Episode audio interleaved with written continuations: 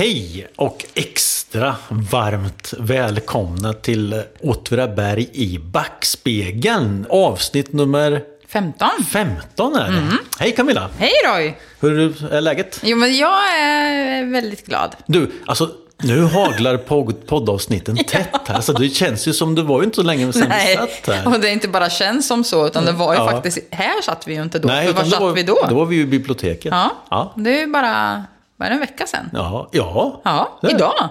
Ja, det är det ju. Ser, Nästan, ja. du ser lika förvånad ut som jag känner mig. Ja, så det, det har varit tätt emellan. Och det, gjorde, det var ju ett datum som jag hade fått av biblioteket, så därför blev vi där lite senare. Ja, men precis. Så men det var vi- fortfarande februari. Ja. Mm, nu är det mars. Ja, och nu är vi liksom tillbaka i våran vanliga eh, Rutin. rutin och på våran vanliga plats. Ja, och, det känns lite och tryggt. Den här gången ser vi Kristoffer när han sitter där med sköter tekniken. Det gjorde vi inte sist. Det gjorde vi inte ja. sist. Fast det var väldigt, väldigt roligt. Ja, Ja. väldigt. Ja. Och jag tyckte det gick eh, ganska bra. Det Ja. var roligt med publiken. Ja. Och, och så här. Ja. Att man hörde dem också lite i bakgrunden på Ja, själva inspelningen sen. Var kul. Ja. Ja. Är Och jättekul. de tyckte det var kul. Ja. Fick mycket frågor efteråt. Ja, Ja. Så det, det känns som ett bra avsnitt. eh, Tycker Mm. jag. Ja, så. Ehm, Och du, det måste jag bara säga, Mm. på bra avsnitt. Nu, det- egentligen skulle du få fortsätta med vad dagens avsnitt ska handla om. Mm. Så du kan ta det först. Ja, jo men idag tänkte vi ju återigen prata om företaget Facit AB. Mm. Så det här blir liksom Facit AB del 2. Ja, Mm. och det var det jag tänkte säga. Att vi har fått en kommentar att eh, det avsnittet om facit, det förra avsnittet, var det bästa hittills, är det en som har sagt. Oj. Strålande. Oj, måste vi leva upp till det här. Ja, det som. fast det finns också någon som en gång har sagt att det bästa avsnittet han hade hört var julspecial. Ja, ja. Så man kan ju... Vi har Ja. olika referens. Precis, Ja. ja, vad man tycker är bra. Eh, nu tänkte vi skulle... Vi ska, vi ska knyta ihop ett, eller knyta ihop säcken eller, knyta, eller dra åt säcken lite grann kring ett annat avsnitt också. Mm. Nämligen, vi pratade ju om ökätte. Och är det någonting som är, ja det kommer du ihåg? eh. Ja, ja, det kommer jag ihåg. ja. Men det här visste inte att Ja. du skulle dra åt den säcken. Jo, men lite grann så. För därför, därför att är det någonting som är förknippat med företaget Facit AB så är det ju Örkättersfabriken. Ja, såklart. Ja. Eh, och, och verksamheten där. Så jag tänkte vi, vi börjar i den änden Mm. eh, i det här avsnittet. Så, ja. men, men först måste vi rekapitulera lite, tänkte jag, från förra avsnittet. Vad, vi, vad vi pratade om då. Ja, men liksom lite grann kring, kring det här med, med Facit AB och, Mm. och, och, och, och dess historia. Eh, och, och det här företaget Åtvidabergs Förenade Industrier gick ju i konkurs 1922. I Åtvidaberg här. Eh, och den här mannen, Elof Eriksson, kom ju hit, eh, företagsledare, och skulle då rekonstruera bolaget och få det på fötter igen. Så. Och tack vare då en, framförallt tack vare en uppfinning, en räknemaskin som manövreras med tangenter istället för spakar. Eh, Så fick då det här företaget luft, så småningom luft under vingarna. Eh, Och tack vare den här räknemaskinen då, som, som hette Facit. Och, eh, Som var ett eh, märke man övertog någonstans ifrån, Ja, men precis. Det, var Ja, en, en, det fanns liksom. Det fanns redan innan. Men, konstruktionen, det här att man manövrerade med tangenter istället för spakar var ju ny, Var en ny uppfinning. Ja. Ja. Eh, Tack vare den och eh, lyckliga konjunkturer skulle man väl kunna säga i, i, i, i eh, efterkrigs, alltså efter andra världskriget, under andra världskriget och efter andra världskriget. Då. Eh, så var det så att när Elof Erikssons son Gunnar tog över som verkställande direktör i slutet av 1950-talet så var Facit AB, eller Åtvidabergs Industrier som företaget hette då, Europas näst största tillverkare av kontorsmaskiner och en av de större eh, företagen i världen i den här branschen. Och det är ju helt galet. Ja, man blev vä- väldigt framgångsrik. Och koncernen stod på fem ben. Eh, Det var då själva moderbolaget, Åtvidabergs Industrier. Som då är liksom trä och möbel. Ja, det är egentligen allting egentligen. Det är allting, ja. Ja, just det. så Sen fanns det ett, jag. ett, ett, ehm, några dotterbolag. Ja. Ett AB Åtvidaberg Facit. Det var de som tillverkade räknemaskiner. Mm. Ja. Och så hade vi då original Odner som hade säte i Göteborg som också tillverkade räknemaskiner. Eh, och så var det då eh, Halda, skrivmaskinstillverkare. Och sen då Överums bruk. Var fanns Halda? Halda fanns i Blekinge. Ja. För det har jag sett så många gånger och tänkt på. Men det är en fabrik i Halda alltså. I, Ja, heter fabriken Halda? Eller stället? skri- skrivmaskinen hette Halla. Skrivmaskin, Och den fanns alltså i Svängsta och i Bräkne-Hoby. Mhm. Ja, så. Eh, och, och nu, kommer vi, nu kommer vi in på det här med Örsätersfabriken. Då. För de här framgångarna för företaget fortsatte. Eh, 1963 så kunde eh, Åtvidabergs Industriers styrelse konstatera att utvecklingen för kontorsmaskinstillverkningen hade då de senaste tio åren varit mycket gynnsam och mycket lyckosam. Med en, en årlig genomsnittlig ökning på hela 12 procent. Så här Nu liksom- måste jag bara fråga, jag är lite Ja. seg här tydligen. För att jag tänker, heter det hela tiden Åtvidabergs Industrier? Ja, ända fram till 1965 hette, Aha, hette hela till den. koncernen. Ja, Ja, okej. koncernen, koncernen byter namn del. 1965 Aha, Mm. ja, till Facit AB. Ja. Men fram tills dess hette, hette moderbolaget Åtvidabergs Industrier. Eh, och det är nu som sagt som, som det här historien om Örsätersfabriken börjar. För att det bedömdes då för den uppskattade produktionsvolymen av kalkylmaskiner eh, 1969 så skulle det krävas fabriksutrymme på ungefär 40 000 kvadratmeter. Om den här, om man liksom, om den här Skulle få plats att göra. Ja. Ja, Så mycket som man nu Ja, precis. Ja. Mm. Och den här dåvarande fabriken, den vi faktiskt sitter i nu, Ja. Mm. det som då kallas för facetten, i, i, idag heter den facetten, eh, den var endast 28 000 kvadratmeter. Mm. Så Så här- man visste att nu måste man bygga större. Ja, alltså man hade egentligen eh, eh, två val. Mm. Men, men, men för att bara backa till den här, till den här byggnaden som vi sitter i. Mm. Den, den är lite, den är lite häftig kan jag tycka. För den, den har ju liksom byggts till både på Mm. höjden och på längden sedan 1903. och vi sitter nästan i de ursprungliga delarna här. Snickerifabriken. Ja, eh, så. Eh, så fanns det en sak till att tänka på om man då skulle bygga fabrik eh, i mitten på 60-talet. Och det var ju då att bilismen ökar. Ja. Bilismen hade ökat. Just det. Ja. Plötsligt ska folk vara med bil. Ja, en stor del av svenskarnas välståndsökning efter kriget lades just på att familjen kunde skaffa en bil. Ja. Så 1950 fanns det 250 000 bilar i Sverige. Och 1959 så hade, hade det fyrdubblats, så det var över en miljon bilar. Och går, kommer vi in i mitten på 60-talet så finns det, ökar det ytterligare med en halv miljon bilar. Så vad man måste tänka på var att man behövde ha tillräckligt, tillräckligt parkeringsmöjligheter. Såklart. Så. Eh, För då- alla skulle åka i en egen bil Ja, också. men precis. Ja, så. Eh, Så här fanns det då två alternativ. Antingen skulle man fortsätta att bygga ut den här fabriken, den här facett, som vi idag kallar för facetten, eh, på, befintlig, eh, på befintligt industriområde. Eller så skulle man uppföra en helt ny fabrik. Och det mest rationella var ju då att uppföra en- helt ny eh, fabrik förstås. Då. Men fanns det, sa du, det fanns planer även på att bygga ut här? Och, på Ja, hur det, det var skulle ju, se ut? ja, det var ju ett val som man hade. Man, att man Men man, hade man några skisser på det? Hur man hade tänkt? Nej, kom- nej jag tror man övergav den idén. Ja, i tanke- på tankenivån. Ganska snabbt. Så, ja. Men ända sedan 1900-talets början så hade man reserverat mark här i samhället just för eh, utbyggnad av industrin. Den så kallade industrireserven. Mm. Det som idag kallas bara reserven, eller det heter reserven, hela bostadsområdet. Så. Eh, idag är det ju radhus. Mm. Och det är ju precis här bortanför. Ja, precis. Mm. Ja. Men, men det här var liksom eh, avsett för att bygga industrifastigheter, fabrik egentligen. Och då är det ju konstigt att man inte byggde där då. Ja, men det har, har att göra med att inte, man, man, man, man insåg att det var inte tillräckligt stort. Nähä, för annars hade det varit praktiskt. Ja, ja precis. kunde man behållit kontoren och så Ja, ja. Mm. Nej, Nej, det var inte tillräckligt stort och det fanns inte tillräckligt, tillräckliga parkeringsmöjligheter. nej. eh, här. Eh, så då hade man tittat på eh, ett annat område. Eh, ett område vid Örsätter, eh, någon kilometer utanför Åtvidaberg. Och där hade man hittat ett lämpligt, eh, lämp, lämplig mark som man då eh, försökte köp, köpa. Då. Så, mm. Och vem ägde den marken? Eh, Baroniet Alsvärn. Mm, de, eh, Och det låg väl någonting på platsen redan? Ja, men precis. Eh, På platsen låg då Örsätters skola. Ja. Och den har vi ju också varit Har inne, varit inne och tassat i förut. Ja, Ja. precis. Så 1965 så godkände Bol, FAS, eller Åtvidabergs Industri, eller Facit AB som företaget kanske hette då. Nu hette jag. Mm. Ja, eh, att man då fick, skulle bygga ut en första etapp av en, en ny fabriksanläggning. Då. Och det här innebar också att en, an, en annan sak som vi också varit inne och tassat lite på, nämligen eh, baroniets eh, svingård Mm. i Örsäter fick då flytta på grund av den besvärande lukten. Har vi varit inne på den? Ja, det har vi. På, när vi pratar Örkötte? Ja, när vi, det är alltså där som Åtvidabergshus idag Ja, ligger. jaha. Precis, ja, så det var alltså bara De fick flytta, så Ja, de, ja, de låg på den sidan då? Ja. Där skolan låg?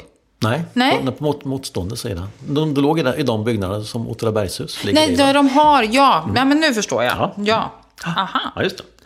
Så de fick flytta, flytta bort. Eh, och våren 1966 så tog verkställande direktör Gunnar Eriksson det första symboliska spadtaget. Byggandet av en ny fabrik. Och vad skulle man då bygga? Jo, en produktionsanläggning på ungefär 45 000 kvadratmeter. Eh, man byggde en eh, vidhängande lasthall där man då hade förberett för om man skulle dra järnväg fram. Eh, som man då skulle kunna mm, lasta på. Då. Det fanns en panncentral för man var ju tvungen att värma upp hela anläggningen. Då. Personalbyggnad med matsal för 440 gäster. Samt en fyravånings kontorsbyggnad. Mm. Och Utvändigt planerades för ett industriområde med Ja, eller planerades för 400 parkeringsplatser. Vilket man då snart fick, fick utöka. Ja. Ja. Och tanken var ju då när man köpte in den här marken att man då skulle kunna köpa in, man köpte in så pass mycket mark som man, kunde, så man skulle kunna fyrdubbla den här eh, eh, fabriken. Så man kunde liksom bygga tre stycken till sen ifall det behövdes. Och nu måste jag, det är inte, kanske inte är relevant för det här, men nu är det fortfarande den gamla Linköpingsvägen som går där. Eller som nu på den här tiden, Ja, just det. 65. Ja, precis. Den, den Och som är fort- mycket, mycket smalare. Ja, mycket smalare. Ja, ja, Jag ser nämligen en bild framför mig, där en bild, och det är ju vänstertrafik. Ja, just det. Ja, Ja, mm, ja, precis. just det. Eh, en sak som man inte byggde, som man som lade på is, det var då den flygplats för fraktflyg som man hade planerat från början. Så man hade, man hade planer på att bygga en, en, en landningsbana helt Ja, enkelt. och nu vet jag varför jag kommer att tänka på vägen. Därför att det finns ju de som säger om nuvarande riksväg 35 att den är byggd för att flygplan ska kunna landa på den. Alltså Mm. Jaha, där utanför ja, vid, vid Örsäter för att den är så Ja. rak sträcka och så. Ja. Jag Men- vet men- inte, men den byggdes väl senare. Ja, den raksträckan har alltid funnits. Eller, Men dessutom ja, alltid, men den breda fina, ja, nej. Men det var därför jag kom att tänka på den vägen i alla fall. Så det fanns planer på en flygplats Ja, alltså. ja mm, precis. Coolt. Eh, tre år senare, eller två år senare, i slutet av mars 1968 så stod hela byggnaden klar. Mm. Eh, och flytten av alla maskiner och alla verksamheter från Åtvidaberg ut till Örsäter kunde då börja. Då. Mm. Och det här gjordes framförallt på helger och under semestern för att undvika eh, produktionsbortfall. förstås. Ja. Mm. Och flytten avslutades i mitten av september. Då var det i princip färdigflyttat och klart. Ja, vilket Och då- arbete ja, måste ha helt, En varit. helt otrolig insats eh, för att kunna flytta. Man fick ta sin maskin under armen och gå. ja, om det var det så. Ja. Men det var, det var inte helt okomplicerat det här. eh, Nej. Därför att eh, det var inte helt igenom populärt att bygga utanför samhället. Det är i alla fall ett par kilometer. Ja, som man nu plötsligt skulle börja ta sig. Ja, precis. Det här ligger Ja. ju jättecentralt. Ja. Så, ja. Och en, en sak som, som en del um, uppenbarligen tyckte var besvärligt, det var att många arbetare här gick hem Mm, på lunchen. på lunch och åt. Ja. Eh, Så därför så... så Hur skulle de nu göra? Jo, men företag gjorde så här att då subventionerade man luncherna. Ah, Ja, på den nya fabriken. för att det fanns en lunchrestaurang där ja. Ja, ja precis. Man gjorde en he- hel del annat för att underlätta. Eh, Det fanns ett, och det har, också, har vi också varit inne på, Ja. ett temporärt bankkontor Ja, vid av, avlöningen. där. Ja, när Sparbanken åkte ja, ut. Då. ja. Ja. Mm. precis. Och så fanns det då busslinjer från Åtvidaberg som man kunde åka Mm. eh, eh, buss. Så, säga. så man försökte, man försökte underlätta så mycket som, som, som det gick. Så att säga. Mm. Ja. Örsätersfabriken står ju kvar eh, idag, även idag. Eh, idag heter byggnaden IBR. Eh, Industrial Business Residence. Industrigallerian på svenska. Med flera Ja, företag i. precis. Idag finns det 19 företag. Jaha, är det så många? Ja. Gisses. Så, och, och man är, håller nästan på att bli eh, full, fullsatt. så att Och det är ju jättehärligt tycker jag. För visst har det funnits perioder när, när det inte har varit så mycket verksamhet där. Ja, det, Nu är det... precis. Ja, Ja. det är jättekul. Och, och grejen är det här med Örsätersfabriken, att det är så förknippat med facit. För det finns ju faktiskt folk än idag som säger att man åker ut till facit. Eh, Ja. det är ju jag en av dem som säger. Och jag tror många säger det. Ja. Ja. Ja, nej men vad spännande. Då har vi kommit till... Nu har vi byggt Örsätersfabriken i den här historien om vi facit. snackar högkonjunktur här. Ja, verkligen. Och jag tänkte kasta oss tillbaka lite. Ja. Och det har ju du också gjort, eh, tillbaka till den ursprungliga facitbyggnaden, Mm. Ja, facetten Ja, där vi mm. nu sitter. Eh, I förra avsnittet om Facit så berättade vi om personer som vi hade pratat med Mm. eh, från 40-50-talet, eller som hade arbetat på Åtvidabergs Industrier eller Facit då, från 40-50-talet framåt. Vi, hade prat, vi pratade med Allan Pettersson och Lars-Göran Yngvesson, Janne Olsson, Mm. Ja. fotbollsspelaren. Och jag hade pratat också med Rosa Johansson och Claire Sundqvist. Mm. Kanske var flera vi pratade med. Nej? Ja, det, Det, kan, det kan det ha varit. Ja, och det är ju det är spännande med personer, tycker jag. Spännande med personer som har jobbat i industrin och så. Men jag har ju dessutom en särskild förkärlek för personer som har arbetat med lite, ja men kanske udda saker. Och det kanske alla mer eller mindre gjorde så. Men med yrken och uppgifter som inte finns direkt idag heller. Nej, precis. Det finns ju en hel del sådana Ja, faktiskt. och det är lite Ja. Mm. speciellt. Man försöker liksom få fatt i dem och vad, exakt vad de gjorde och sådär. Mm. Alltså, saker som de var ganska ensamma om att göra också. Och det ofta handlar ju om lite serviceyrken. Och Rosa och Claire var ju absolut exempel på det. De arbetade i telefonväxeln. Mm. Så- Och senare så satt de i receptionen bakom luckan vid entrén. Mm. Eh, där man kom in här och i huvudingången. Men den jag tänkte prata om nu, han arbetade som portvakt. Mm, och portvakt är nog inget vanligt yrke idag, tänker jag. Eh, nej, det är det nog inte. Och det har ju funnits flera portvakter här och som har haft lite skilda typer av uppgifter. Många pratar om Nils Ren till exempel. Men han som jag ska prata om, han är nog den första. Jag ska inte svära på att han är den första, men mycket tyder på det. Ja. Som arbetade som portvakt här, Åtvidabergs Industrier. Och han heter Albin Ekström. Ja. Eh, och han anställdes vid Åtvidabergs Industrier när han var 15 år gammal. Då var det året 1886. Han var född 1871. Då jobbade han alltså på Åtvidabergs snickerifabrik? Ja, men det gjorde han. På- Ja, men det gjorde han. Absolut. Ja. Och han var springpojke. Ja. Och han jobbade vid laboratoriet, ska säga. Så han sprang ju ärenden åt ja, men sån här farbröder som jag tycker att jag har lärt känna för att jag har varit inne så mycket på Ja, deras, ja. alltså Rudelius Ja, det. Ja, och Silversparre Ja, till exempel. Mm. Och två år senare, alltså 88, så fick han tjänst på sågen. Ja. Eller brädgården som han själv säger. Ja. Och då tänker jag, det måste ju vara sågen här som ligger på baksidan facetten bort mot reserven. Eller vad, vad tänker du att det var? Jag tänker nog kanske att låg sågen där. låg eh, I när, i närheten av det vi kallar för eksågen.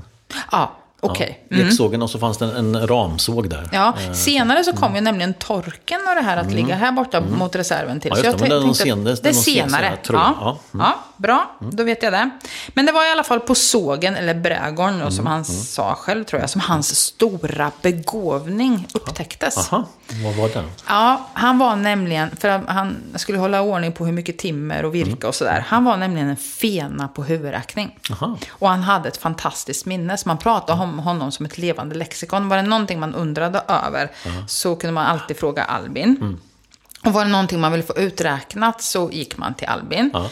Eh, bland annat så var det så senare då när han arbetade som portvakt, för det gör han ju inte nu då, nu är han ju på sågen. Men då gick man alltså på den här tiden till honom med kassar fyllda med kvitton. Men du vet, på affärerna så fick man ju tillbaka procent. Mm. Ja, ja. Det fick man ju även när jag var liten på Konsum. ja, så lämnade man in sin mm. kvitton. Och där satte han och räknade ut huvudräkning åt folk och gjorde jättefina kolumner och, Okej. och räknade. Som en räknemaskin. Man hade tydligen också jämfört honom med en räknemaskin när de kom sen. Och han var snabbare än dem.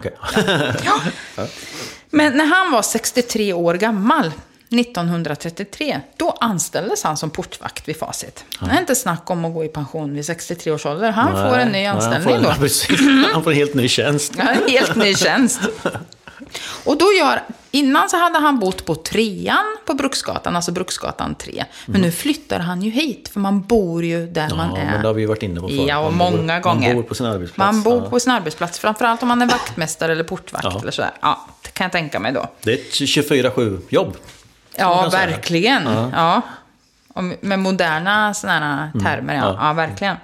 Och vid den här tiden så var ju inte huvudingången här på facetten som idag heter det som idag går in, där gymnasieskolan går in.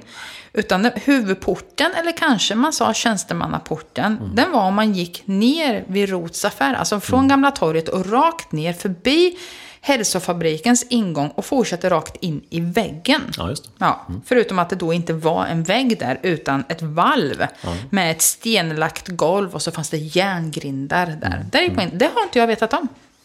Nej, Men det nej. har du. Ja. Och jag funderar på om man går ut här, för vi sitter ju faktiskt precis där. Ja, precis. Om man går ut där, ser man?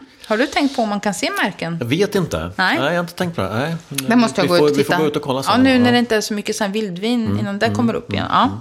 Och i valvets högra sida så fanns det en ingång och en pampig marmortrappa som ledde upp till tjänstemännens kontor. Och här satt även Elof Eriksson, så han hade alltså fönster ut mot torget. Ja. Eh, och på vänster sida i valvet, där fanns Albins vaktkur. Mm. Och bakom kuren, eller snarare ihop med kuren, och i själva porten då, så hade Albin sin lägenhet. Och här bodde även hans dotter, hans hemmavarande. Han hade tre barn, men Gerda, dottern då, den ena dottern, hon bodde kvar hemma. Och den här lägenheten bestod ju av ett rum, eller två rum, ett kök och ett rum. Så i, väns, i vänstra sidan av lägenheten så fanns det ett finrum som som vanligt då sällan användes. Och till höger fanns det kök med vedspis. Och det var framför köket som vaktkuren fanns. Så han kunde antingen gå in till vaktkuren, alltså via köket direkt ut. Eller så kunde han ju gå från, liksom, från valvet Ja. utanför in Ja. i vaktkuren. Och han satt ju en liten bit upp ovanför markplan också, för det var ju några trappor upp. Ja, så. Och där hade han ett stort ekskrivbord och sen var det ju naturligtvis då en ruta Mm. utåt så. Och det som är så fascinerande är ju att jag har kommit på här idag, nu innan vi börjar spela in, att jag tror, Roy, och det är nästan så jag gråter faktiskt. Jag tycker att det är så fint. Jag tror vi sitter i Albins lägenhet. Ja, det är inte helt omöjligt att vi gör det. Det är helt galet. Jag såg för att du, att du blev väldigt eh, Jag var- exalterad Jag har varit väldigt exalterad. eh, Ja. Så jag har sprungit runt det här och tagit Ja, kort. ja. Fast jag har varit i det här rummet flera gånger. Så tänker jag att det måste faktiskt vara så att Mm. vi sitter... Ja. ja. Och i lägenheten hade han ju då ingen toalett. Fanns det inte. Nej, Utan de fick gå, han och Gerda, rakt över valvet in till kontorsdelen. Där Mm. det fanns, förutom kontor, så fanns det kapprum. Och här fanns det en dam och herrtoalett. Mm. Så dit sprang de över när de behövde gå på toaletten. Mm. Och Gerda, jag vet inte exakt hur gammal hon kan vara, men hon var ju klart vuxen om man säger så. Men hon var alltid lite ängslig för sin pappa. Och satt han för länge på toaletten så ryckte hon i dörren och sen så ropade hon till honom. Far Lelle, du har väl inte suttit och doge? Mm. Och Albin blev alltid lite irriterad när han inte fick sitta i fred. Det kan man ju förstå. Och just det här att hon sa far Lelle, då kommer jag att tänka på att de är nästan där som ett annat gammalt kärt par. Jag tänker på Abbe och Hebbe. Ja, Albert och Herbert. Fast jag tror inte Albin var riktigt lika sur och, Nej, som Albert ibland. Mm. Ja. Och Albin, han gick väl upp någon gång före sex, kanske fem, mellan fem och sex. För då skulle han ju öppna porten, Ja, eller grind- grindarna. ja. Ja. Eh, För de som kom tidigt, som till exempel eldaren eller andra, andra personer som kom tidigt. Och sen satt han ju i vaktkuren där då, morgon, lunch och kväll. Och så kontrollerade han att rätt personer med, som hade behörighet att gå in, gick in. Och att de, när de gick ut, inte hade saker med sig. Ja, det. Och det finns tydligen många historier om hur man ändå smugglade med sig saker. Ja, just det, ja, just det. I kläder och i matlådor och sånt som man tyckte att man kunde få ta med sig hem. Och sen varje kväll, ja, omkring nio, så gick han runt i byggnaden. Det var ju naturligtvis därför det var praktiskt att bo här. Så att han kunde, ja, Mm. Kolla kunde gå runt ja, och kontrollera att allt var släckt och i ordning, att portar och dörrar var låsta och allt det här. Och han hade verkligen sina stadiga rutiner. Denne Albin, han satt varje kväll framför spisen och späntade stickor av vedträ med en stor kniv. Och de här stickorna skulle användas på morgonen när de skulle tända i vedspisen. Och så fyllde han också varje kväll på sin snusdosa. För han köpte, förstår du, varje vecka en ganska stor förpackning med snus. Ja. Jag vet inte hur de här såg ut, men det är en större typ av förpackning som han sen tömde upp snusen i en butelj. Jaha. För att det höll sig eh, fuktigare där. Ja, Har du snusat? Ja, ja, då kan du förstå det här. Ja. Du Ja, snusar inte längre? nej. nej. Men du förstår att man behöver Ja, ja, hålla det fuktigt. Jag har full så det inte, koll. ja. du har full Ja, ja. Så det inte håller på att smula. Nej, det är det värsta som finns. Ja, jag Alltså, förstår det. Och rinner och har sig. Äckligt. Ja. Och sen, då tog han ju fram sin butelj då och så fyllde han ju på sin lilla silverdosa så han hade snus till dagen därpå. Så då hade han liksom förberett det. Och sen efter kvällsrundan, som han ju då gjorde omkring klockan nio, så tar han fram sin vikbara, så kallade uppbäddsäng, som man kallar det för. Eh, och kontrollerade då att pottan stod på plats under sängen, för han kanske inte orkar springa ut där under valvet mitt i natten. Om nöden gjorde att han var tvungen att ja, använda, så var potta bättre. Och sen tog han fram en vikbar skärm som han ställde upp mellan sin säng och kökssoffan där Gerda sov. Mm, för han ville ändå ha sin egen lilla Ja. vrå. Ja, ja. Och i det andra rummet som sagt använde de ju inte. Och sen innan det var dags att sova så drack han mjölk och åt en smörgås av Gerdas levandes goda limpa. I den här degen så hade hon en rejäl slunk sirup. Så det var därför den var väldigt god. Mm. Och sen bredde han först mackan då med fläskflott. Och sen så hade han, la han stekt kallt fläsk ovanpå. Oj, och sen gick han bakom skärmen, tog på sig nattskjortan, läste Gud som haver barnen kär och sen sa han godnatt. Jaha, men åt han upp mackan först? Ja, ja, det är klart gjorde han ju. ja, Mm. Jag vet inte exakt i vilken ordning, men ungefär så här. Mm. ja. Och Albin han vaktade den här porten in till Åtvidabergs industrier i 24 år.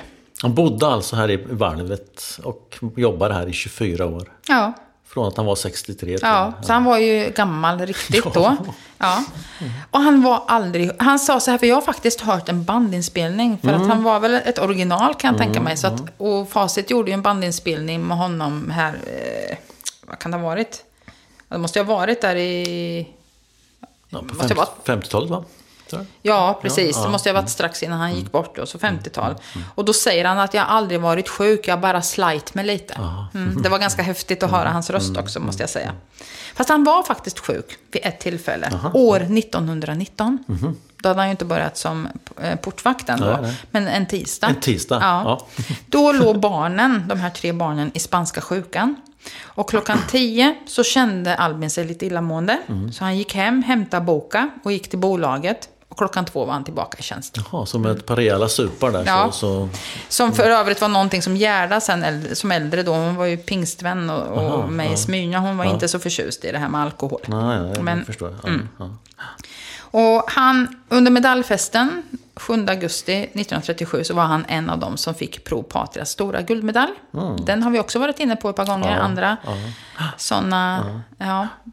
som har för lång och trogen Ja, just tjänst. det. Mm.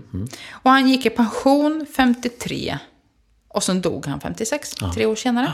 Ja, det kan man verkligen prata om lång och trogen Mm. tjänst. Nu Eh, hoppas jag de här åren och så, med 24 år, att jag sa stämmer här. Men, jag tänkte den här bandinspelningen som du har lyssnat Mm. på. Alltså man, Facit spelade in många av de här gamla trotjänarna. Mm.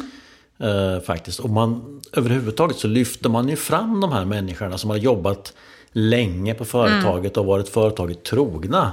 De lyfter man fram i alla möjliga och omöjliga sammanhang. Eh, och då kan man ju fundera på, idag är det ju tvärtom. Idag lyfter man aldrig fram några, ett företag lyfter sällan fram några äldre människor. Utan idag ska man vara ung, man ska vara flexibel. Och, och det är helt andra saker som värderas i- idag än vad det var på den tiden. För, för det, var, kanske- det, var verkligen, det var verkligen det här att man, man rutin och, och, Ja. och, och, och, och att man var trogen. Och, Och man kanske inte är så lojal så, så länge heller. heller. Jag är ju väldigt lojal mot Linköpings universitet faktiskt. Mm. Du, jag tänker här, om man börjar 33 och slutar 53, då är det 24 år han vaktar ja, den här porten. Om man nu ska vara noga. Innan vi lämnar, för nu tänkte jag, nu, vi kanske har, ja, ja, det fanns mycket mer att berätta om Albin naturligtvis. Mm. Ja, och, ja, jo. eh, verkar vara en härlig ja. person. Mm. Men innan vi lämnar facitbyggnaden här, den Mm. här gamla facitbyggnaden, så vill jag ta upp en annan sak. Ehm, förra gången så pratade jag ju om en speciell grej. Nämligen det så kallade valskelettet. ja, just det. Valskelettet Ja, som nu håller som på... ska ligga under den här byggnaden. Och Ja, nu nämnde ju du Örsätter också. Det var ju där jag trodde att det fanns ett jättestort valskelett när jag var liten. Ja, Mm. ja. ja, så du återkommer till det då? Ja, men jag tänkte, för det har hänt lite mer i den här storyn. Ja. ja. Mm. Det blir lite grann, valskelettet blir lite grann det nya Gustav Vals-huset. Ja, Ja. som blev det nya Göstas park, ja, eller ja. Göstas hål var det. så vi har några så här, ja, kanske, Vi får vi se. har, vi har några hang-ups. Vi har, vi har några hang-ups, absolut. Men jag och Jörgen Strömberg och framförallt Stig Sandqvist var ju nere och tittade på den förmodade platsen där delar av valskelettet råkade skräva fram vid en ombyggnation 57. Det kommer du ihåg? Ja. Och Stig, han var ju plåtslagare och han stod ju faktiskt på taket den där sommardagen 57 och såg själv de här gula kotorna Ja. som grävdes upp då. Eh, och nu vet jag att det råder lite olika meningar om var skelettet ska ligga, om det nu finns då. Ja. Eh, och Stig sa ju också det, att det kan ju ha varit något annat man råkade gräva upp och sådär. Eh, det vet man ju inte. Men han var i alla fall helt säker på var han stod. Och vilken plats det var han stod och tittade ner på. Och så var det ju också det här att hela området sanerades ju, en sån här Ja, miljösanering, 2002. Och då borde man ha hittat skelettet kan man tycka när Ja. man grävde upp allting. Men på platsen som då Stig har pekat ut så hade man ju senare byggt ett skjul som rymde det här ventilationsaggregatet. Så den platsen blev ju aldrig uppgrävd. Nej. Så då, då tänker man då att det skulle ligga under det här skjulet. Mm. Eh, och jag kan tycka att Stig borde ha rätt om platsen. Han stod och tittade. Och liksom. Men som Jörgen säger så har det faktiskt gjorts om en hel del i det här området efter det. Och det är svårt, säger han, att i efterhand veta exakt vart, ja, vart det som hände 57 hände. Mm. Det skulle kunna vara ett stycke lite längre bort, alltså mot reserven till det här som jag pratade om ja. förut med torkarna. Ja, det. En person som håller med om det här, att det borde vara lite längre bort, han heter Sven-Olof Haraldsson. Ja. Mm. Han och jag har också varit nere och tittat. Jag hänger massor här bakom Ja, jag har grindarna. förstått att du gör det. ja, och tittar på vart valskelettet ska vara. Vi var, ja, men vi var här en lördag eller söndag och kikade, han och jag. Och han är inte själv ett ögonvittne. Men han har, har, det han berättade för mig har han i sin tur fått berättat av våran gamla lärare, Olle Söderbäck. Ja. Mm. Som inte heller var ett ögonvittne, men eh, som hade koll på det här. Eh, eh, nu ska vi se. Jo, jag berättade ju också den gången jag hade uppe i avsnitt 13 alltså, om facit att eh, och jag, ja, nu har jag berättat det igen, allt det här då. Men Ja. det finns också ett tillägg som Olle Söderbäck, för jag letade efter Ja, en hade skrivit artikel. om det, Ja, ja. men du nämnde att han hade skrivit om det och jag letade ju febrilt efter om det var en artikel, om han hade skrivit i Sockna och jag hittade ingenting. Men så var det någon som visade mig och det står faktiskt skrivet om det i Sockna. Ja. Och det Olle Söderbäck skriver i den då, det var att det var en ombyggnation som pågick, här då 57, eller en tillbyggnad. Och eh, Skånska Cement var där för att gräva en kabelgrav på ett Ja. par meters djup. Ja. Och i ett fönster då så står ju Rune Caesar som jag berättade sist och tittar ut. Och sen ser han ju att grävmaskinen står still och att grävmaskinisten har hoppat ur. Och sen tittar han ner i det här nygrävda diket då. Och på lastbilen som då enligt, som Olle skriver, körde iväg så ligger väldiga benrester.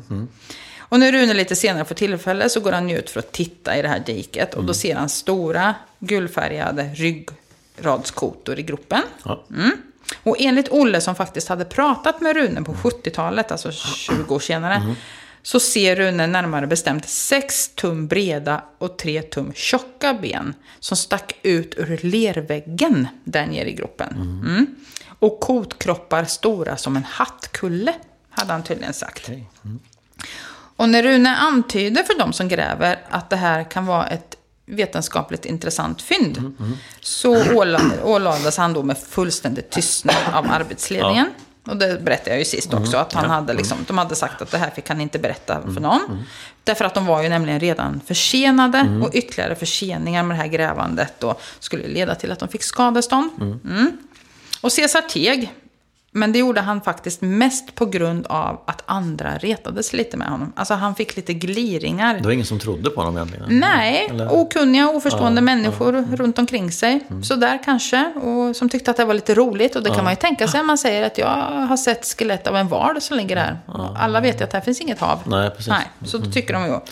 Och det var egentligen, och det här som då eh, Olle egentligen kom i kontakt med Rune, det var ju, för jag tror att det var Olle själv som gjorde den här naturvårdsinventeringen 75.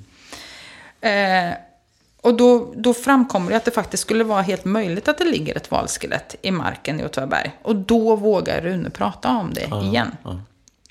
Eh, och forskare som man kopplar in på det här, som kontaktas då, tycker att han- Runes skildring är högst trolig. Eh, och de och Olle, alltså forskarna då, tror att det kan vara frågan om en grönlandsval. Mm. Och den skulle i så fall vara helt unik. Eh, eftersom man inte har hittat någon sånt valskelett så här långt österut. Och därmed alltså högintressant. Mm. Så den valen har i så fall en gång i tiden simmat i Baltiska issjön. Mm. Som var en stor färskvattensjö och en föregångare till Östersjön. Och den sjön, den finns ju inte längre då, men Nej. den skapades ju då inlandsisen i den senaste skandinaviska istiden gradvis började dra sig tillbaka för ungefär 15 000 år sedan. Ja. Och de här grönlandsvalarna de kan bli upp till 24 meter långa. De, ja, de, och de finns... De finns ja, fortfarande. ja, mm. De lever i arktiska havsområden. Mm. Och Olle, han var... Ja, han var ju själv i kontakt, ska jag säga också, med företaget här. Mm. För han, han hade ju hört då och ville liksom komma in och titta på platsen. Och det sägs ju att man inte ville släppa in honom innanför grindarna. Eh, så, jag, han hade ju inte... Men han ville väl titta. Ja. Och han ville väl egentligen, han ville ju verkligen liksom att man skulle ta tag i det här Ja, och undersöka om det var så att det faktiskt ligger en val. Och han skriver i slutet av boken Sockna då, i Sockna. Valen som det med största säkerhet är, säger han, har efter strandning legat på platsen i 10 000 år. Och kan förmodligen klara några år till. Men nyfikenheten är stor och det får, borde finnas ett PR-värde i historien. ja, det gör det säkert. Mm. Ja, och nu Men har vi... Det, jag funderar på de här, ja, jag tänker de här, nu har vi ju hört eh, plåtslagaren eh, Sandqvist och Mm, Caesar ja. som var vita. Men jag tänker de här som var ännu närmare, alltså grävmaskinisten och Ja. de här personerna Ja. som brukar gå med grävmaskinerna. Det vore ju spännande och Och kontakta Skånska Cement, som inte heter Skånska Cement längre. Utan Nej, de har då ingen Men jag tänker de Ja. personerna som arbetar med det här. Ja, just De det. kanske inte är i livet men, de, men det kanske, de kanske har berättat någonting Ja. för någon. Ja, det har jag också väldigt, tänkt. Ja, väldigt Ja. spännande. att Ja. Ja. Du uppmanar mig att gräva vidare. ja, och så uppmanar vi ju om det är någon som kände någon på Skånska Cement som hade grävt. Ja, absolut. Så Är det någon de som... ju- Stig fram, ni får vara anonyma. Ja. Och jag ska bara säga den plats som nu Sven-Olof pekade ut då. Eh, och som, som enligt honom Olle och Rune också pekade ut då. Den ligger där, där som kallas för akklimatiseringen. Ja. Närma, vid, vid torkarna. Man använde ju akklimatisering för att man skulle jämna ut träet innan man gjorde möbler av det då. Och det är ju där Rodeco ligger idag. Ehm, så. Och då, det var, ja, just det. Det var ju därför jag tänkte på om det var där Albin jobbade på Brädgården. Men det var det alltså Nej, inte. nej, den ligger på- det hade vi, ja, precis. Ja. Och slutligen ska jag ju säga att så som jag har förstått det så var ju inte heller det området ett föremål för marksaneringen. Nej. Utan man slutade ju strax innan. Så inte heller där grävde man ju då. Nej. Fatta hur intressant vad, det är. vad, vad, vad tror du då Camilla? Tror du att det finns ett val? Ett valskelett? Eller vad? Ja, jag vet inte. Alltså det är ju jättesvårt. Och jag är ju väldigt sugen på att man skulle borra eller vad man nu kan göra för att se om det finns ett valskelett. Samtidigt så tänker jag, tänk om man inte hittar någonting då? Jag vill ju gärna ha kvar den här bilden av att det Ja, då faktiskt ska slår, tar du finnas. död på... Ja, tar vi Men, död på myten. Ehm, alltså, arkeologer idag brukar ju, ehm, eh, vid vissa tillfällen brukar de, brukar de ju använda markskanner. Okej. Alltså man på något sätt, eh, jag vet inte riktigt som ett ultraljud på marken. Ja, ja, precis. Och då kan man då se konturer av sånt som finns under jord. Men du, det var intressant att du sa. Mm. För att jag tänker på, vi sysslar ju med visualisering, eller så, eh, jag tänker på de här, åh, vi har ju fantastiska saker på universitetet. Man har ju alltså kon- kunnat gå igenom, inte visualisering är det ju inte, utan man har ju gått igenom mumie och kunnat eh, gå in till kroppar, Mm. Ja, ja. mumifierade. Ja.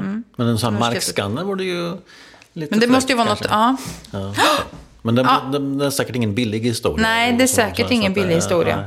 Men det har du Ja. rätt i. Det finns andra metoder än att borra. För att då ska man ju Mm. komma helt rätt också. Om man skulle liksom göra en sån liten, ja, som provborrning. Ja, liksom. precis.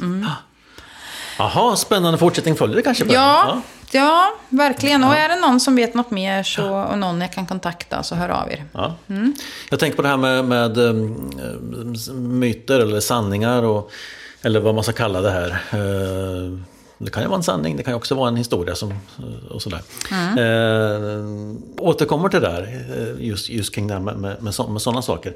För, för jag tänkte att vi skulle prata lite grann om, eh, vi skulle lämna den här byggnaden, men vi- vi ska prata lite grann, fortsätta prata om historien om Facit AB. Eh, Vi lämnar ju när de byggde Örnsköldsfabriken här och eh, eh, man var ju mitt uppe i en riktig högkonjunktur och det gick ju otroligt, otroligt bra. För, för 1950 och 1960-talet var ju på något sätt skördetid för, för företaget. Eh, Men det här var också en tid när konkurrensen också började hårda.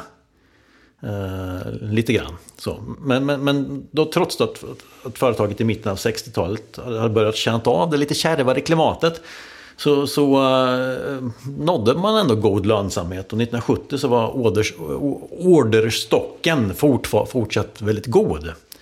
Sådär. Uh, och den tidpunkten så, så sysselsatte Facit-koncernen ungefär 14 000 anställda. Mm. Och hade verksamhet i över 130 länder. Alltså det var ett, ett världsföretag på alla sätt och vis. Så.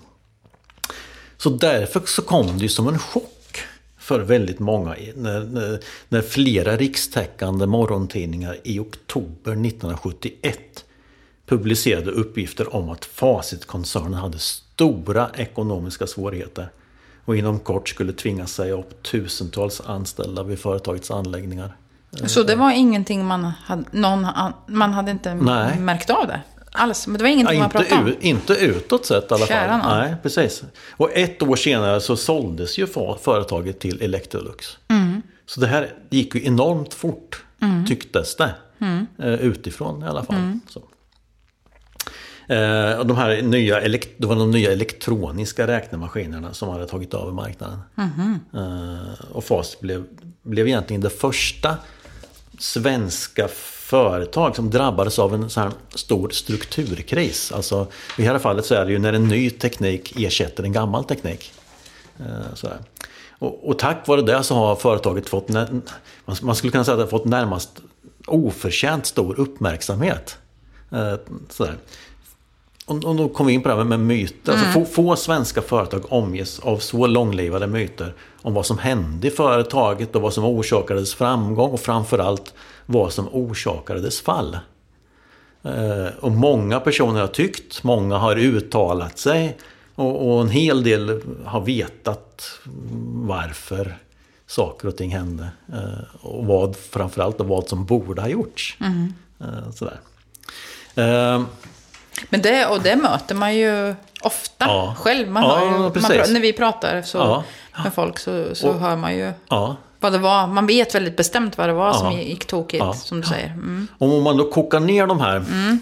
Myterna? Ja, eller, eller sanningarna, vad jag kalla det för. Om man kokar ner dem till tre stycken. Okay. Eh, så då kan man säga att ett, företagsledningen i Facit överraskades av den japanska företagets intåg på marknaden. Mm, det är nog den jag tycker att ja, jag har hört oftast. Ja, precis. Ja. ja och, och, man överraskas av den tekniska utvecklingen inom elektroniken. Och, man, och inte minst genom att man, man var förblindad av framgångarna med de här mekaniska räknemaskinerna. En, den, den, har jag också mm, hört. Mm. Och den, den lever ju fortfarande. Oh, ja. så, ja. Mm. Man eh, höll fast vid räknemaskinen de här nya mm. datorerna från Japan. Ja, så precis. Ja. Mm. Och, och, det har lite med, med nummer två att göra. Att, mm. att företagsledningen ville inte inse att den, ville inte inse den tekniska utvecklingens konsekvenser för det egna företaget. Mm, alltså ja. därför höll man kvar ja. i, i det här då. Och som nummer tre då. Företagsledningen kunde inte agera trots en viss medvetenhet om den tekniska utvecklingen. Orsaken till det var framför allt en rädsla för att fatta obehagliga beslut. Ah. Så. Man tordes inte göra de åtgärder som, som, som man, man borde göra. Nej, så, ja. för det kunde betyda Ja. Att man var tvungen att säga upp personal eller? Ja, och det här, liksom, det här har jag hört sedan jag började i den här verksamheten. Att det här är vad folk tror och vad folk anser. Och med den här verksamheten så menar du i brukskultur? Brukskultur, ja, ja, precis, ja, Just för att ni sysslar mycket med fast, eller det är den som är brukskultur. Mm. men, men, som jag sa förra gången, så, så mm. förra avsnittet om facit, så är det ju egentligen bara en person, eh, mig vetligen, som har liksom grävt på djupet i det här. Och det är ju ekonomhistorikern och forskaren Tom Pettersson från, från Uppsala universitet. Eh, han har ju grävt i Facit arkiv, han har eh, kompletterat med intervjuer och så. Så har han skrivit eh, två stycken skrifter. Eh, framförallt då en, en, en, bok om hela Facit ABs historia. Och han menar ju på då, Tom att de här myterna eller de här sanningarna de kan ju faktiskt ifrågasättas. Mm -hmm. så. Mm. Och om vi tar den här första då, att man inte, man inte visste att man, man förstod inte att det var elektroniken som skulle komma. Så var det faktiskt så att under 50 och 60-talet så tillverkade ju Facit AB stordatorer. Mm. Ja men precis, det var ju därför jag blev så förvånad när vi pratade med Janne ja, Olsson. Ja. Han sa att de hade stora datorer och så ja. hade de datorer? Det var ju det de inte hade. Ja, precis. Och, så, och, och företaget, de, man till och med rekryterade en grupp ingenjörer som hade utvecklat eh, en stor dator som, som under en kort tid var faktiskt var världens snabbaste. Den kallades för BESK. Binär elektronisk sekvenskalkylator. Tror jag Oj, för. oj. Ja, mm. Eh, Och de här anställde man och så skapade man då en, eh, inom Facit AB så skapade man då en, en, en, en ny stordator eh, som kallas för Facit EDB. Eh, och man hade ett intensivt samarbete med, med amerikanska forskningsinstitutioner och, och, och andra företag Mm. då, in, inom den här växande databranschen. Så. Så egentligen kan han slå hål på myt Ja, nummer men, ett. men klart att man visste att det var elektroniken som skulle, vara, som var, som, som skulle komma. Mm. Så både ettan och tvåan faller där. Ja, men sätt. lite grann så här. Ja. Ja, Så mm, i början på 60-talet så labbade man ner där för då, då insåg man att konkurrens, konkurrensen var allt för stor. Ja. Från, från, all, från framförallt amerikanska företag eh, i det här då. Fas- Inte japanska. Nej, inte vad det gäller datorerna så här. Nej. Ehm, och eh, alltså, facit var, även fast man var ett stort företag så var man alldeles för litet för att kunna bära de här stora utvecklingskostnaderna som, Det, som det här innebar. Då. Eh, och eh, man satsade alltså istället på eh, vad man kallar för dataperifer utrustning, alltså komplementutrustning till, eh, till datorer så att säga. Och man fick också insikten att elektroniken kommer att omvandla kontorsmaskinsbranschen i grunden. Så det här var liksom man, man var helt enkelt medveten om det här. Då. Eh, Sådär. Eh, och man, för, för att kunna, man, man insåg också att man kunde, inte- man kunde inte göra det här själv. Eh, utan man, då, man försökte etablera samarbeten med, med andra eh, företag. Amerikanska företag och japanska företag. Då. Framförallt ett, eh, två, ett amerikanskt företag som heter Autonetics och eh, ett japanskt företag som heter Hayakawa. Som sen döpte om sig till Sharp. Så, mm. Ja. Eh, exempel, då- exempelvis så hade tecknade Facit 1965 ett tvåårigt försäljningsavtal med Hayakawa. Eh, då, som var den ledande japanska eh, producenten av elektroniska räknemaskiner. Eh, så. Eh, och enligt det här avtalet så skulle Facit då ha global ensamrätt på försäljning av de här räknemaskinerna. Men, men när de väl kom till kritan så var de här, när de skulle leverera till Facit så, så var leveranserna försenade och de maskinerna de fick de drogs med väldigt stora kvalitetsproblem överhuvudtaget. Så. Och det stod ganska snart klart för Facit att Hayakawa inte alls tänkte stå fast vid det här avtalet. Utan de byggde upp sina egna säljorganisationer eh, i, i land efter land då, och till slut då, även då i Sverige. Så hade man en egen, egen säljorganisation. Så.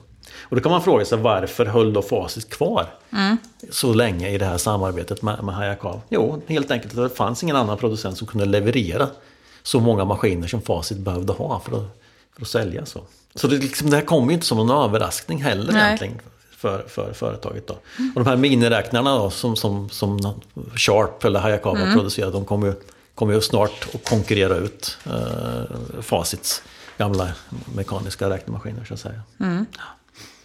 Men man, man, man, man var fullt medveten om det här. Eh, Man kunde liksom inte, fick, man- i och med att man inte kunde sy ihop några bra samarbetsavtal eh, sådär, så, så, så stod man ju där med sina mekaniska Så det är snar, då är det snarare så att man var medveten. Det skulle fortfarande kunna vara dess fall. Men inte att man inte ägde kunskap Nej, om. nej, precis. Nej. Nej. precis så är det. Ja. Ehm, Facitkoncernen består ju då av ett stort antal svenska och utländska dotterbolag. Eh, så. Eh, och här eh, är också ett av problemen kan man väl säga. Ehm, av de här svenska dotterbolagen så var det tre stycken som var helt dominerade. Halda som vi pratade om, skrivmaskinstillverkare. Eh, Original Owner och Åtvidaberg Facit som tillverkade en rad varianter av räknemaskiner. Då. Och 1966 så köpte Facit in sin enda svenska konkurrent som heter Addo som fanns i Malmö. Eh, Så, så man hade liksom monopol på räknemaskinsmarknaden här. Men utav tradition så hade de här, de här dotterbolagen de var väldigt självständiga gentemot eh, in, inom koncernen.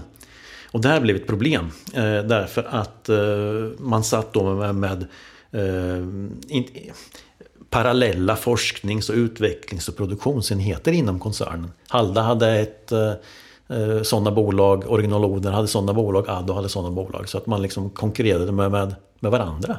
Skulle man väl kunna säga. Det där då. Eh, och ända sedan, sedan Gunnar Eriksson blev verkställande direktör på 50-talet så försökte han att införa rationaliseringar och, och, och, strukturera det här nedbantningar utav organisationen. Men stötte på starkt motstånd ifrån dotterbolagscheferna som liksom var måna om sina egna mm -hmm. bolag mm. och, och, inte koncernen som helhet så att säga. Eh, så det här är väl, ett, det är väl någonting, någonting som Gunnar Eriksson misslyckades med. Eh, om man ska prata i, i sådana termer. Mm. Och ytterligare en sak som där komplicerade det hela. Eh, det är då de intima banden mellan företaget och familjen Eriksson.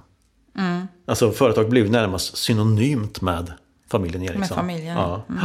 Och det fanns också väldigt starka band mellan Åtvidaberg Åtvidabergarna och familjen Eriksson. Mm. Och, och, inte bara Åtvidaberg utan även de andra små orterna som, som företaget hade tillverkning på. Så därför blev det svårt för företagsledningen att fatta företagsrationella ja. beslut. Ja. Alltså man, man, tog hänsyn till lojalitet och ja. hänsyn till människor ja. och hänsyn till samhället. Och det, här. det är ju det att verka ändå på liten ort trots sin storlek. Liksom, Men att det ändå blir så nära. Mm. Precis. Så det var liksom snarare då icke-beslut utav rationaliseringar. Alltså de här, och där stämmer ju kanske den här, den här, de här sanningarna, den, den tredje sanningen. Att man, man kanske inte orkade med att ta de här, de här tuffa besluten. Att man kanske skulle, skulle ha eh, avskedat människor, ja. Eh, rationaliserat verksamheter ja. och, och, och, sådär. Men tror du att det var så att man stack huvudet lite i sanden? Jag vet inte, man försökte. Jag, jag tror att man försökte i det längsta på något sätt att måna mm. om, om sina ja, anställda och, och de mm. orterna som man hade tillverkning ja. på. Så, ja. Fast det tänker jag också att man gjorde, men samtidigt så är det ju inte att måna om att de får veta saken via, inte från ledningen, utan får möta det via ja. löpsedlar. Och, ja. Fast, ja, jag vet inte. Men, men där ligger ju liksom den stora Alltså, ja. Dels att man, man, man liksom lyckades inte, inte att hänga med. I, man hade inte möjlighet att hänga med kanske man, så man kan säga när man tittar mm. på det i efterhand. Så mm. Och just att man inte för att kunna hänga, för att ha en, en, liten chans att hänga med så hade man ju behövt att rationalisera hela koncernen ja. mycket tidigare. Ja. Jo, jo, eh, precis. Så att det är redan ja. för sent kanske när man upptäcker det. Så 1973 då, så, eller, så, så är det ju, eller slut på 72 så köper Electrolux mm. upp hela, mm. hela Facit-koncernen. Mm. Och då kanske du frågar dig Camilla, vad hände sen? ja, ja, jag undrar, vad hände sen? Ja, jo, det kan jag svara på. Ja, tror jag. ja spännande. Ja, mm. Eh, facit blev då här, då, då, blev man istället ett dotterbolag inom eh, Electrolux-koncernen. Mm. Och de, med med med den hårdföre vdn Hans Werthén ja, i spetsen. Ja, de genomförde de här rationaliseringarna och försäljningar av fastigheter och, struk, man strukturerade upp bolaget så här. Eh, som, som kanske Facit kanske borde ha gjort långt innan. Mm. Eh, och snabbt så visade då Facit svarta siffror igen. Mm. Företaget gick bättre. Mm. Eh, så alla varsel som då hade, hade gått ut då, 72, eh, de drogs tillbaka. Inte alla kanske, men, men många drogs tillbaka. Och många gamla Facit och medarbetare fick arbeten inom Electrolux-koncernen. Ah. Så man kan säga att alltså, Electrolux räddade upp situationen ja. Eh, ja. faktiskt. Ja. så. Så, ja, man pratar om facitkrisen, men, men, men det, det, blev inte så stor kris när det väl kom till kritan då, 1973. Okay. Eller början på 70-talet. Mm. Eh, och Facit började istället satsa på, på, på datortillbehör. Eh, och fin, baserat på finmekanik. Då, mm. Hette det Facit fortfarande? Ja. Mm. ja. Eh, men i slutet på 70-talet så, så kom det en ny kris. Mm. Eh, och, och, och, nu tvingades man liksom till nedskärningar och, och väldigt mycket uppsägningar. Så det, det är egentligen i slutet på 70-talet som den stora ja. facitkrisen ja. kommer egentligen. Men den, den drunknade i en allmän eh, ekonomisk kris i Sverige. Alltså okay. det var, de, företaget fick inte de här, var inte de här rubrikerna mm. som det blev på, på 70-talet istället. Mm. Så. Eh, så I början av 80-talet så, så såldes ett väldigt nedbantat facit till LM Ericsson. Mm. Och de bytte väl namn? För då stod ju Ericsson ovanför ja, portarna här. Ja, ja. ja precis. Och efter fem år då så sålde företaget vidare Facit och, eh, till finska Nokia. Mm. Som i sin tur sålde spillrorna till, vidare sen till olika, olika köpare. Så idag så, så finns facit, det inget? Nej, jag tror facit är... Jag tror inte det finns. Nej. Jag vet inte om någon, det kan ju vara så att någon äger rätt, Namnet, rätten ja. till namnet Ja, Facit. men inte själva. Inte som företag. Nej, Nej, nej. Det närmaste man kan komma det är ju eh, ett företag vi har på orten faktiskt. Eh, Mm. För 1988 så bildade enheten ute på Örsätersfabriken bildade ett företag som hette Facit Datapartner. Mm. Eh, Som efter då, eh, som, som 1993 ombildades till att bli ett helt fristående Partnertech. För det brukar man ju säga att det är de som har liksom tagit över Ja. efter facit. Ja. Ja. Om det är någonting. Ja, så- någon och nu, nu ingår ju Partnertech och då har de blivit uppköpt utav finska. Scanfil. Ja, Scanfil. Just det. Ja. Så där är liksom lite... Det är historien. Ja. Mm. Jag tänker på det här som du sa om löpsedlarna. För det Ja. pratar ju också... Jag vet inte vilka löpsedlar, om det är de här vid 73 eller om det är de i slutet av 70-talet. Men kommer du ihåg att Jan Olsson pratade om det? De hade varit och iväg och de hade... Jo, men ju- de, de brukar omtala det här när man pratar fotboll och så här. Så, Ja. så de, De var, vann- i, de var ju i, eh, i London Chelsea. och Ja, spelade precis, mot mot Chelsea, Chelsea. i Ja. cup, cupvinnarcupen. Ja, och det var så fantastiskt Ja, att de hade precis. vunnit. De var otroligt glada och euforiska när de åker hem. Ja, och så när de kommer hem så, så möts de de av de här ja. rubrikerna att facit måste, måste facit varslar, facit Ja. måste säga. Och de var ju knutna till Ja, facit, ja, så det var ju många fotbollsspelare som, Ja. Som blev uppsagda Ja. i, den, i den vevan också. Så det var. Mm. Eh, en annan som minns löpsedlarna, jag har pratat med Staffan Eriksson som ju är en av sönerna till Gunnar Ja. Eriksson. Mm. För det första så tycker jag, jag intervjuade honom för ett par år sedan. Ja. Och eh, jag kommer ihåg hur han berättade, och nu pratar vi om det igen, hur han och de andra barnen då, de, det är ju sex barn och det är fyra söner och två döttrar, om jag inte har helt fel. Och det här kanske mest var sönerna då, som följde med sin pappa ut till fabriken. Och det var nog både här och ute vid Örsätter, på söndagar. För att eh, då skulle, åkte han ut och liksom tittade till det och han gick där i, helt tyst. Och liksom lite i kontemplation nästan och funderade. och till, liksom så gick de här korridorerna. Jag ser ju Örsätesfabriken framför mig som är så stora ytor. Och så satt folk och jobbade vanligtvis då, att det är helt tomt. Eh, Och han går där. Och att de följde med honom ut och så åkte de rullskridskor. Och Staffan han minns det här liksom när pappans tyst, att han går där tyst och så det där svischande ljudet från skridskorna. Ja. Men eh, när krisen kom, berättade Staffan då, eh, så, så bodde de redan i Stockholm. Eh, Ja. Så, och hans pappa Gunnar pratade inte mycket om det. Han höll det för sig själv, även ja. för familjen. Men de mötte ju löpsedlar, för det kantade ju deras väg till skolan, de här löpsedlarna. Och han kommer också ihåg hur journalister ringde hela tiden och, och att de även kom ut när de befann sig i sommarhuset. Ja. Ehm, och sådär. Och det var först när de tittade på tv på kvällarna som de egentligen förstod vilka svåra möten deras pappa hade. För det var ingenting han egentligen berättade och tog med sig. Nej, tog med sig nej. hem gjorde han ju säkert. Ja, men- men han visade ju inte. Men så sa han också just det här med tv, när pappa var i tv. Mm. Så hade de en signal när han hälsade till dem. Och det gjorde han nog även då när det var som jobbigast. Okej, ja. Han gjorde det genom att klia sig lite på högra örat. Aha. Så han visade, där var hälsningen hem, hem till barnen. Liksom. Så det var lite rart. Mm. Mm. Jag vet inte, vi har ju hållit på, det finns ju så himla mycket att prata Ja. om facit Ja, faktiskt. Det, man skulle nästan kunna tänka sig ett, Ett del tre. avsnitt. Ja, Ja. Ja. Vi skulle eh, nog förmodligen kunna fylla ett par avsnitt Ja. mer än så. Ja, För jag har ju också faktiskt tänkt att jag gärna vill prata om, och är lite förberedd på redan idag, prata om en annan Ja, tjänstekategori. det finns fler yrken som Ja, men inte... det gör ju ja, det. Så, ja. mm. Eh, så att jag tänkte att eh, jag sparar den Ja, till ett kommande ja, låter Tycker du? Mm. Ja, absolut. Och så får vi liksom köra ett, ett del tre också. Mm. Framåt. Ja, ja. Mm. Så håller jag på den, så kan du grunna på vad det kan vara för en tjänstekategori. ja, det finns ju en del. Ja. Det gör, ja, det, gör det ju. Ja, absolut, så vi återkommer. Ja. Men eh, då sätter vi punkt här idag. ja, då får tackar vi för den här gången. Ja. Och tar det så här. Ja. Hej då!